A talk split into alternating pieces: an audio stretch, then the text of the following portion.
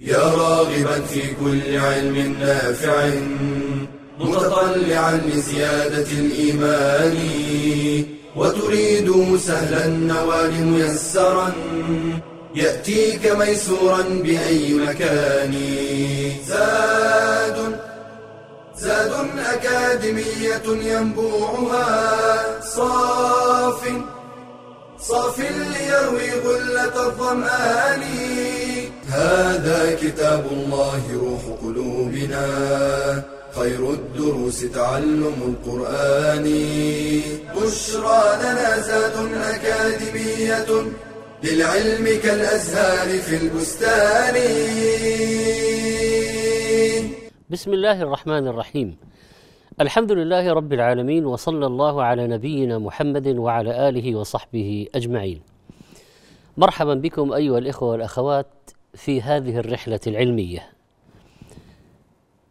يصاحب بعضنا بعضا في طريق طلب العلم، ما أجمله من طريق. هذا هو الدرس الخامس من سلسلة محاضرات مادة التفسير في أكاديمية زاد وقد سبق في الدرس الماضي الكلام عن تفسير قول الله تعالى إن جهنم كانت مرصادا للطاغين مآبا لابثين فيها أحقابا الآيات. وقلنا إن قوله تعالى إن جهنم كانت مرصادا أي معدة لهم وهذا دليل على مذهب أهل السنة والجماعة أن الجنة والنار مخلوقتان موجودتان الآن. وقوله للطاغين مآبا أي مرجعا يرجعون إليها. وقوله لابثين فيها أحقابا أي ماكثين في النار مددا طويلة لا تنتهي. وقوله تعالى لا يذوقون فيها بردا ولا شرابا أي لا يجدون في جهنم بردا لقلوبهم ولا شرابا طيبا يتغذون به. ولهذا أتبعه بقوله إلا حميما وغساقا والحميم الماء الحار الذي يحرق والغساق الزمهرير البارد. وقيل صديد أهل النار والعياذ بالله.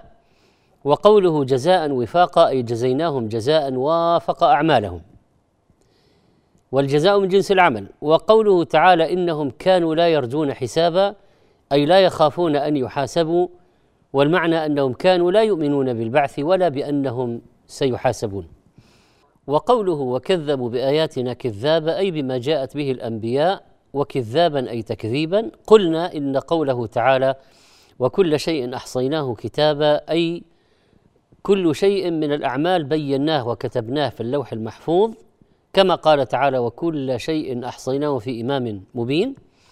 وقوله تعالى فذوقوا فلن نزيدكم إلا عذابا أي يقال لأهل النار فذوقوا أيها المكذبون هذا العذاب الأليم والخزي الدائم. فلن نزيدكم إلا عذابا أي كل وقت وحين يزداد عذابهم.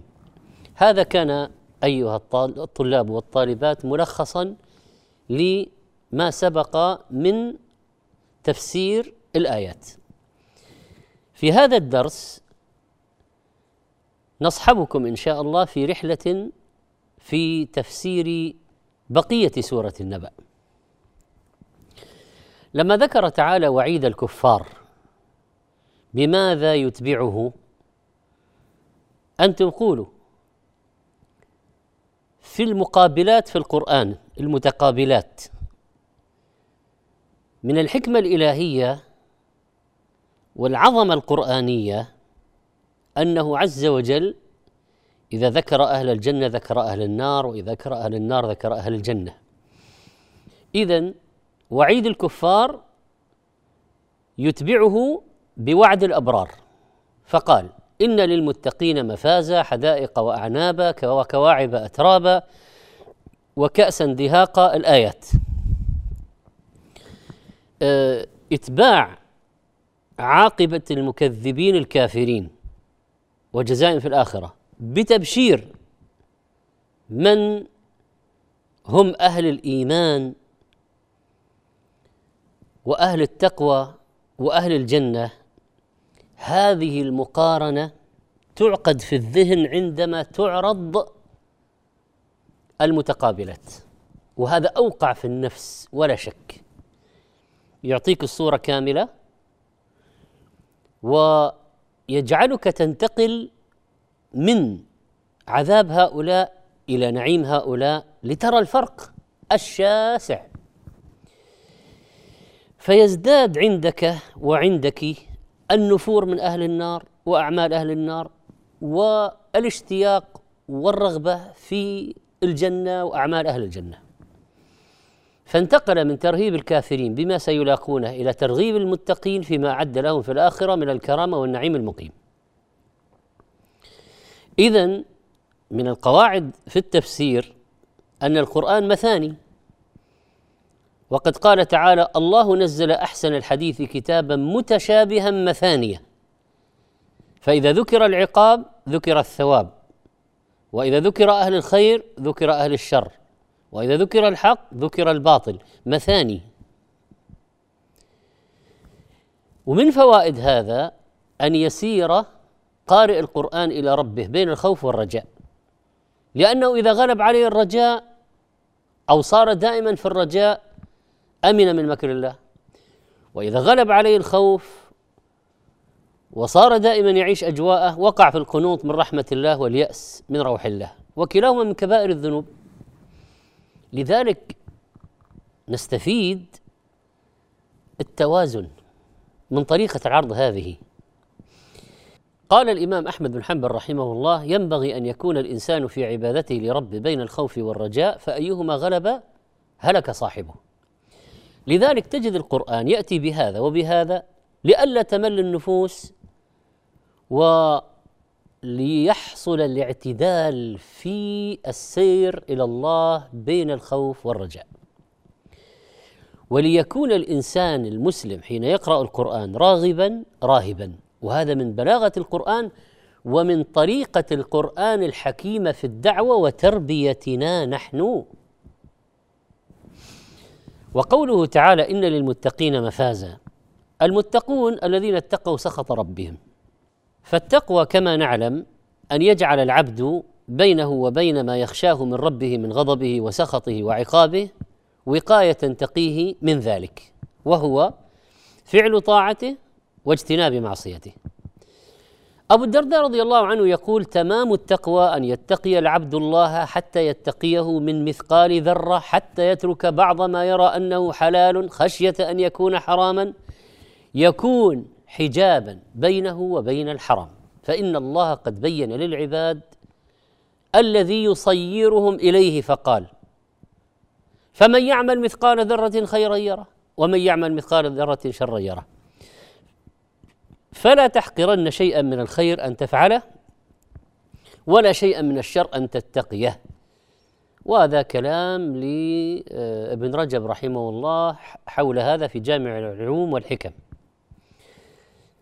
إن للمتقين ماذا؟ إن للمتقين وين اسم إن؟ اسم إن منصوب. أين اسم إن؟ مفازا. إن مفازا للمتقين. إن للمتقين مفازا. قدمهم إشادة بهم وإنهم أهم من العاقبة والمفاجأة البشارة العظيمة التي ستكون لهم. إن للمتقين مفازة. منجى من النار. ما المفاز؟ الفوز والنجاة من المكروه. الظفر بكل محبوب. والله تعالى في القرآن يأمر يأمر أحيانا بتقوى يوم الحساب وأحيانا يأمر بتقوى النار كما قال تعالى واتقوا الله لعلكم تفلحون واتقوا النار التي أعدت للكافرين. فجمع بين الأمر بتقواه والأمر بتقوى النار. وقال واتقوا يوما ترجعون فيه إلى الله فأمر بتقوى يوم الحساب. إذا تقوى الله واتقوا النار واتقوا يوم الحساب مؤداها واحد. فالمتقون هم الذين قاموا بأوامر الله واجتنبوا نواهي الله. أيها الطلاب والطالبات بعد قليل إن شاء الله سنتابع وإياكم تفسير سورة عمة.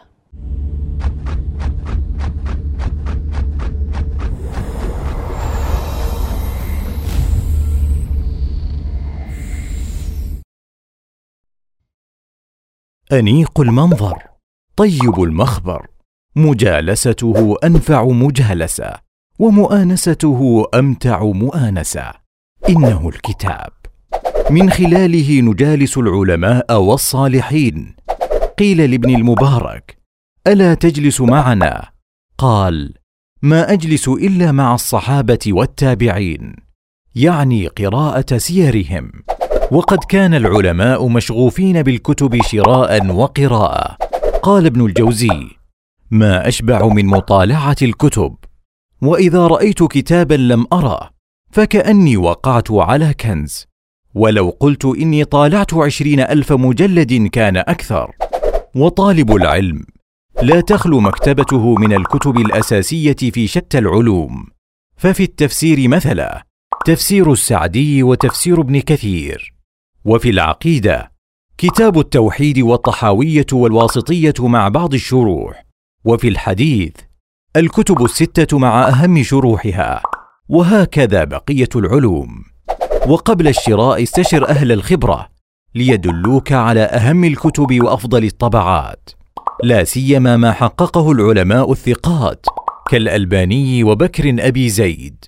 احرص على التنويع في شراء الكتب ولا تقتصر على فن واحد أو فنين.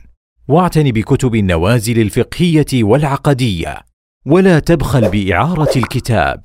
وحافظ عليه إن استعرته ولا تستكثر ما تنفقه في شراء الكتب. وصدق من قال تلك النفائس لو تباع بوزنها ذهبا لكان البائع المغبونا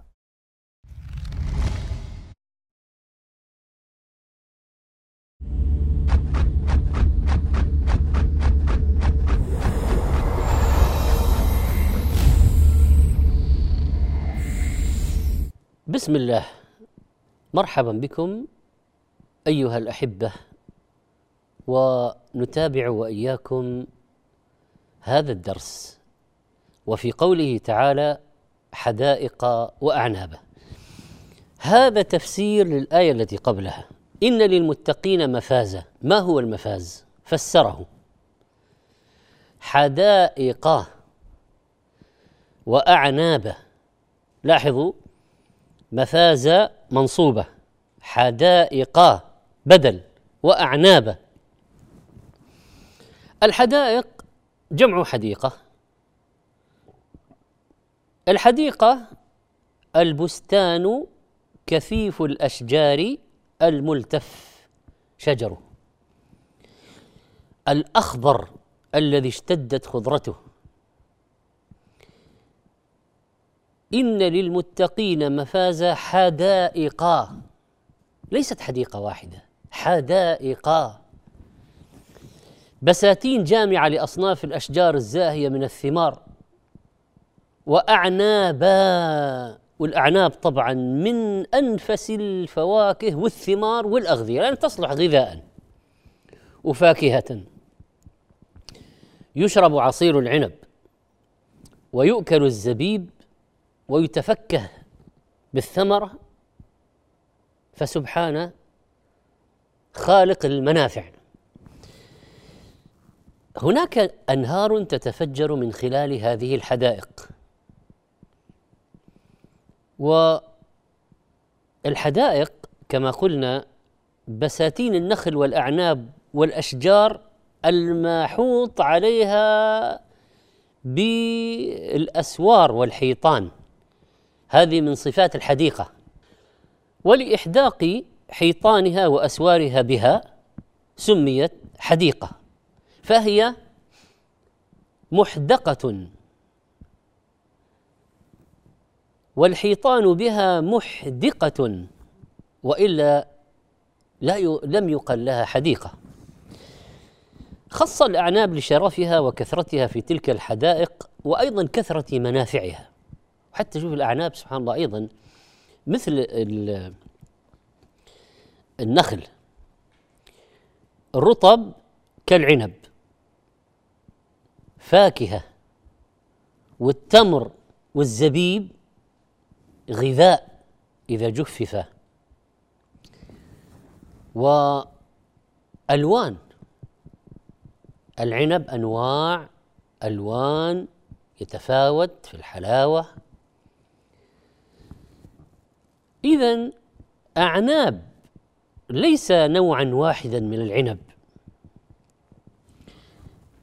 طيب وغير هذا وكواعب الآن كله حال من المفاز وكواعب أترابا الكواعب جمع كاعب وسميت كاعبا لأنه قد تكعب ثديها أي استدار مع ارتفاع. و هذا دال على شبابهن وقوتهن ونضرتهن والأتراب الأقران في السن اللاتي على سن واحد متقارب ومن عادة الأتراب أن يكن متآلفات متعاشرات.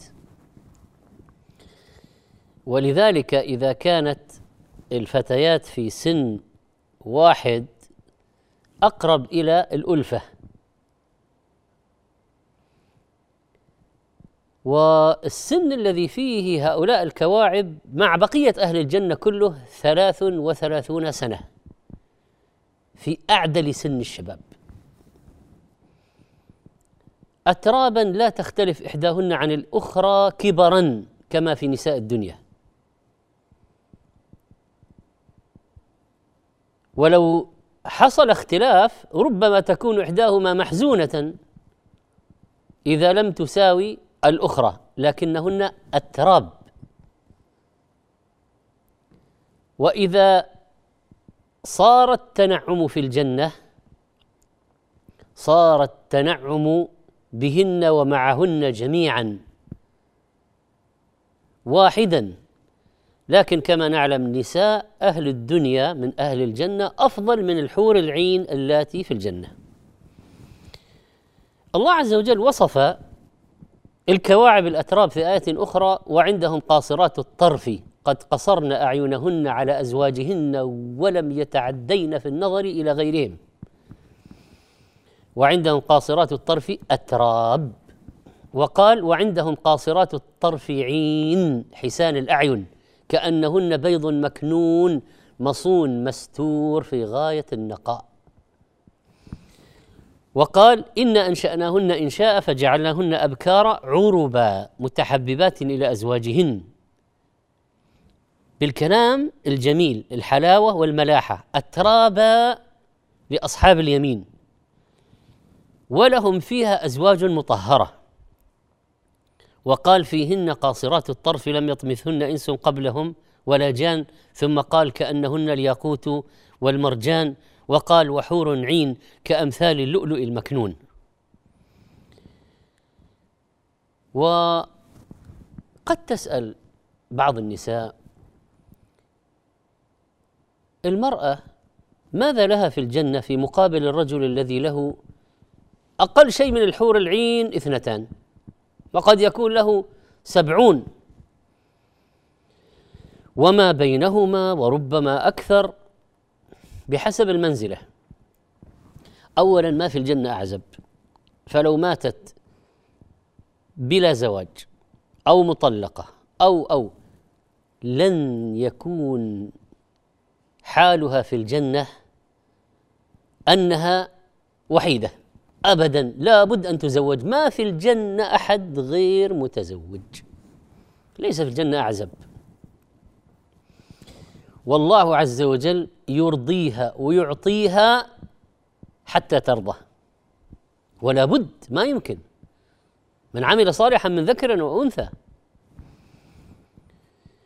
وعندما نقارن بين الحور العين ونساء الدنيا فإن المرأة المؤمنة في الجنة تفضل الحور العين بصلاتها وصيامها وذكرها ودعائها وتلاوتها وطاعة زوجها.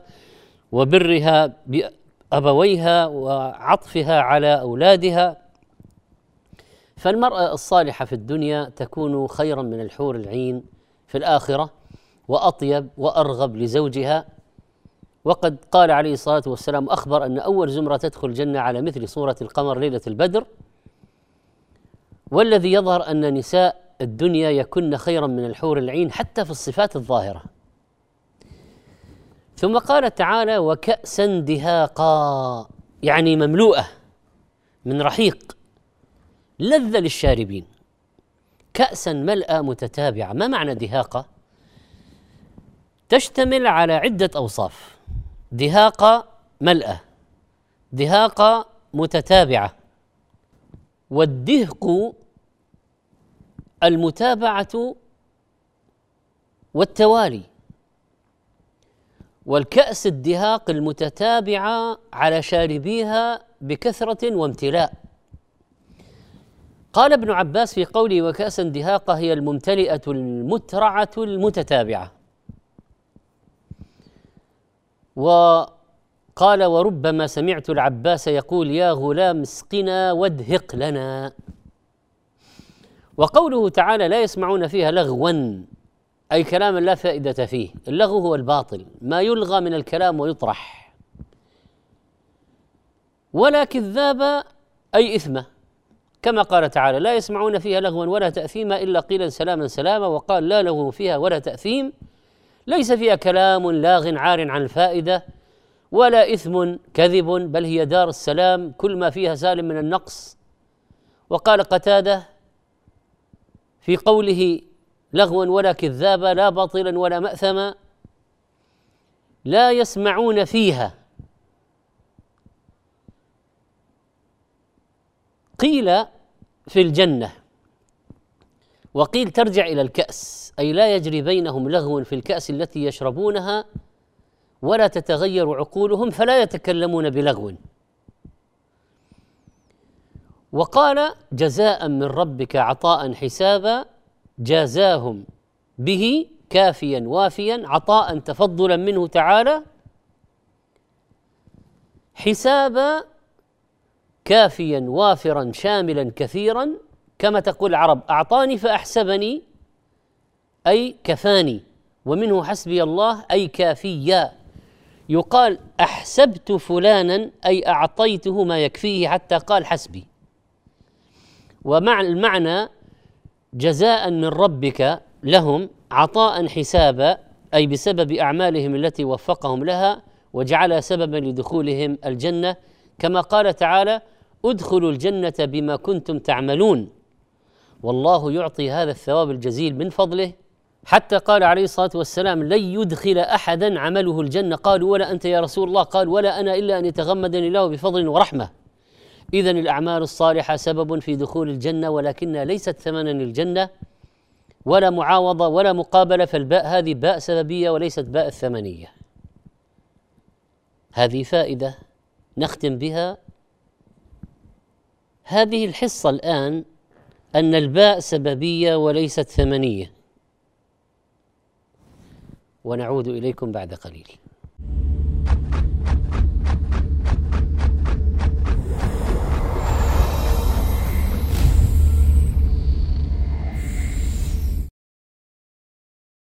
ليس كل ما ينسب إلى النبي صلى الله عليه وسلم صحيحا. فكيف تعرف الصحيح من غيره؟ عن طريق علم مصطلح الحديث والحديث النبوي هو ما أضيف إلى النبي صلى الله عليه وسلم من قول أو فعل أو تقرير أو وصف والحديث الصحيح هو ما رواه عدل تام الضبط بسند متصل وسلم من الشذوذ. أي مخالفة من هو أرجح منه ومن العلة القادحة وهي أمر خفي يقدح في صحة الحديث ومثله الحديث الحسن غير أن راويه خفيف الضبط. والحديث المقبول صحيحا كان أو حسنا يجب العمل به في العقيدة والأحكام وغيرهما ويرد الحديث لسقط في إسناده أو للطعن في عدالة الراوي أو ضبطه. والحديث الضعيف لا يعمل به إلا بشروط. ألا يكون شديد الضعف. أن يندرج تحت أصل معمول به. ألا يعتقد عند العمل به ثبوته بل يعتقد الاحتياط. ويجوز رواية الحديث بالمعنى بشروط. اولا أن تكون من عارف بمعناه. ثانيا أن تدعو الضرورة إليها. ثالثا ألا يكون متعبدا بلفظه كألفاظ الأذكار ونحوها. فاحذر من الأحاديث الباطلة ولا تنشرها في مواقع التواصل أو غيرها. فإن النبي صلى الله عليه وسلم قال من حدث عني حديثا وهو يرى أنه كذب فهو أحد الكاذبين.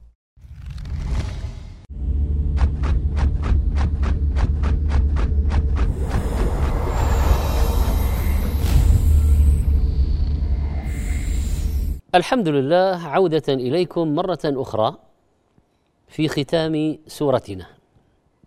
عما يتساءلون. تأملوا معشر الطلاب والطالبات كيف قال تعالى في حق الكفار جزاء وفاقا وقال في حق المؤمنين عطاء حسابا. فبين في الأول أن مجازاتهم وفق أعمالهم ولا يظلم ربك أحدا. وبين في الثاني أن هذا النعيم عطاء من الله. وتفضل عليهم به. المفاز في الآيات هذه يذكرنا بالمفاز المذكور في قوله تعالى فمن زحزح عن النار وأدخل الجنة فقد فاز وفي قوله حساب إشعار بأن تفاوت أهل الجنة في الجنة بالحساب ونتائج الأعمال. فالجنة درجات. لاحظوا معي من ربك من ربك من هذه مصدر. فالجزاء منه لا من غيره. الذي أعطاهم هذه العطايا هو ربهم رب السماوات والأرض الرحمن. الذي وسعت رحمته كل شيء. فرحمهم ولطف بهم حتى أدركوا ما أدركوا. رحمن الدنيا والآخرة ورحيمهما. أعطاهم برحمته لهم. هذا الجزاء المذكور جزاء عظيم. جزاء من ربك عطاء حسابا رب السماوات والأرض وما بينهما الرحمن. قال الله أعددت لعبادي الصالحين. ما لا عين رأت ولا أذن سمعت ولا خطر على قلب بشر. فاقرأوا إن شئتم. فلا تعلم نفس ما أخفي لهم من قرة أعين جزاء بما كانوا يعملون. في البخاري ومسلم. في الحديث الصحيح أيضا الذي رواه الترمذي ألا إن سلعة الله غالية ألا إن سلعة الله الجنة. لما تذكر الجنة في القرآن تشتاق نفوس المحبين. يا حبذا الجنة واقترابها طيبة وباردا شرابها ما بالنا بدار غرسها الله بيده وجعلها مقرا لأحبابه وملأها من كرامته ورحمته ورضوانه. ووصف نعيمها بالفوز العظيم. ومن يطع الله ورسوله يدخله جنات تجري من تحتها الأنهار خالدين فيها. وذلك الفوز العظيم. وصف ملكها بالملك الكبير. وإذا رأيت ثم هناك. رأيت نعيما وملكا كبيرا. أودعها جميع الخير بحذافيرها وطهرها من كل عيب وآفة ونقص. فإن سألت عن أرضها وتربتها فهي المسك والزعفران. وإن سألت عن سقفها فهو عرش الرحمن. وإن سألت عن ملاطها الطين الذي يخلط به الحجارة التي يبنى بها الحائط. فهو المسك الأذفر. وإن سألت عن حصبائها فهو اللؤلؤ والجوهر. وإن سألت عن بنائها فلبنة من فضة ولبنة من ذهب وإن سألت عن أشجارها فما فيها شجرة إلا وساقها من فضة أو ذهب لا من الحطب ولا من الخشب. وإن سألت عن ثمارها فأمثال القلال ألين من الزبد وأحلى من العسل. وإن سألت عن أنهارها فيها أنهار من ماء غير آس وأنهار من لبن لم يتغير طعمه وأنهار من خمر لذة للشاربين. وأنهار من عسل مصفى. وإن سألت عن طعام أهلها ففاكهة مما يتخيرون. وكذلك قال تعالى ولحم طير مما يشتهون. وإن سألت عن آنيتهم فآنية الذهب والفضة في صفاء القوارير. وإن سألت عن سعة أبوابها فبين المصراعين مسيرة أربعين من الأعوام. ولياتين عليه يوم وهو كضيض من الزحام. وإن سألت عن سعتها فأدنى أهلها له مثل الدنيا وعشرة أمثالها وإن سألت عن ارتفاعها فانظر إلى الكوكب الطالع في الأفق الذي لا تكاد تناله الأبصار وإن سألت عن لباس أهلها فهو الحرير والذهب وإن سألت عن فرشها فبطائنها من استبرق مفروشة في أعلى الرتب وإن سألت عن وجوه أهلها وحسنهم فعلى صورة القمر. هذا ولا تسل عن يوم المزيد وزيادة العزيز الحميد ورؤية وجهه الكريم. كما ترى الشمس في الظهيرة والقمر ليلة البدر. فيا خاطب الحسناء إن كنت باغيا فهذا زمان المهر فهو المقدم. فأقدم ولا تقنع بعيش منغص فما فاز باللذات من ليس يقدم. وإن ضاقت الدنيا عليك بأسرها ولم يكن فيها منزل لك يعلم فحي على جنات عدن فإنها منازلك الأولى وفيها المخيم. قال تعالى إن المتقين في مقام أمين في جنات وعيون يلبسون من سندس واستبرق متقابلين. كذلك وزوجناهم بحور عين يدعون فيها بكل فاكهة آمنين. لا يذوقون فيها الموت إلا الموتة الأولى ووقاهم عذاب الجحيم. فضلا من ربك ذلك هو الفوز العظيم. لو أن امرأة من أهل الجنة اطلعت إلى أهل الأرض لأضاءت ما بينهما ولملأته ريحا يعني عطرا بين السماء والأرض ولنصيفها يعني خمارها على رأسها خير من الدنيا وما فيها. رواه البخاري. هذا تعزيز للمحجبات ولنصيفها خمارها على رأسها خير من الدنيا وما فيها. رواه البخاري. فأي نعيم أعظم من هذا النعيم؟ ثم قال تعالى رب السماوات والأرض. إذا جزاء من ربك عطاء حسابا رب السماوات والأرض وما بينهما. إذا من ربك ربي. هذا بدل يتبع المبدل منه. إذا كان ذاك مجرورا فيكون هذا مجرورا. من ربك عطاء حسابا من هو؟ ربي السماوات والأرض. وما بينهما الرحمن. لا يملكون منه خطابا. فالذي أعطاهم هذه العطايا هو ربهم رب السماوات والأرض الذي خلقها ودبرها. الرحمن الذي وسعت رحمته كل شيء. لطف بهم. ثم ذكر تعالى عظمته وملكه العظيم يوم القيامة وأن جميع الخلق يومئذ يومئذ ساكتون من رهبة له وخشية منه لا يتكلمون. فقال لا يملكون منه خطابة فلا يقدر أحد على ابتداء مخاطبته إلا بإذنه. كقوله من ذا الذي يشفع عنده إلا بإذنه وكقوله يوم يأتي لا تكلم نفس إلا بإذنه. قال المفسرون لا يقدر الخلق على أن يكلموا الرب إلا بإذنه. ما حد يتكلم أصلا إلا أن يأذن الله له بالكلام.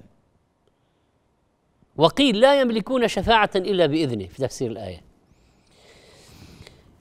إذا هذه الآيات فيها من الفوائد بيان كرامة المتقين فضل التقوى وصف جميل نعيم الجنة ذم الكذب واللغو تقرير عقيدة البعث والجزاء الترغيب في العمل الصالح اجتناب العمل الفاسد.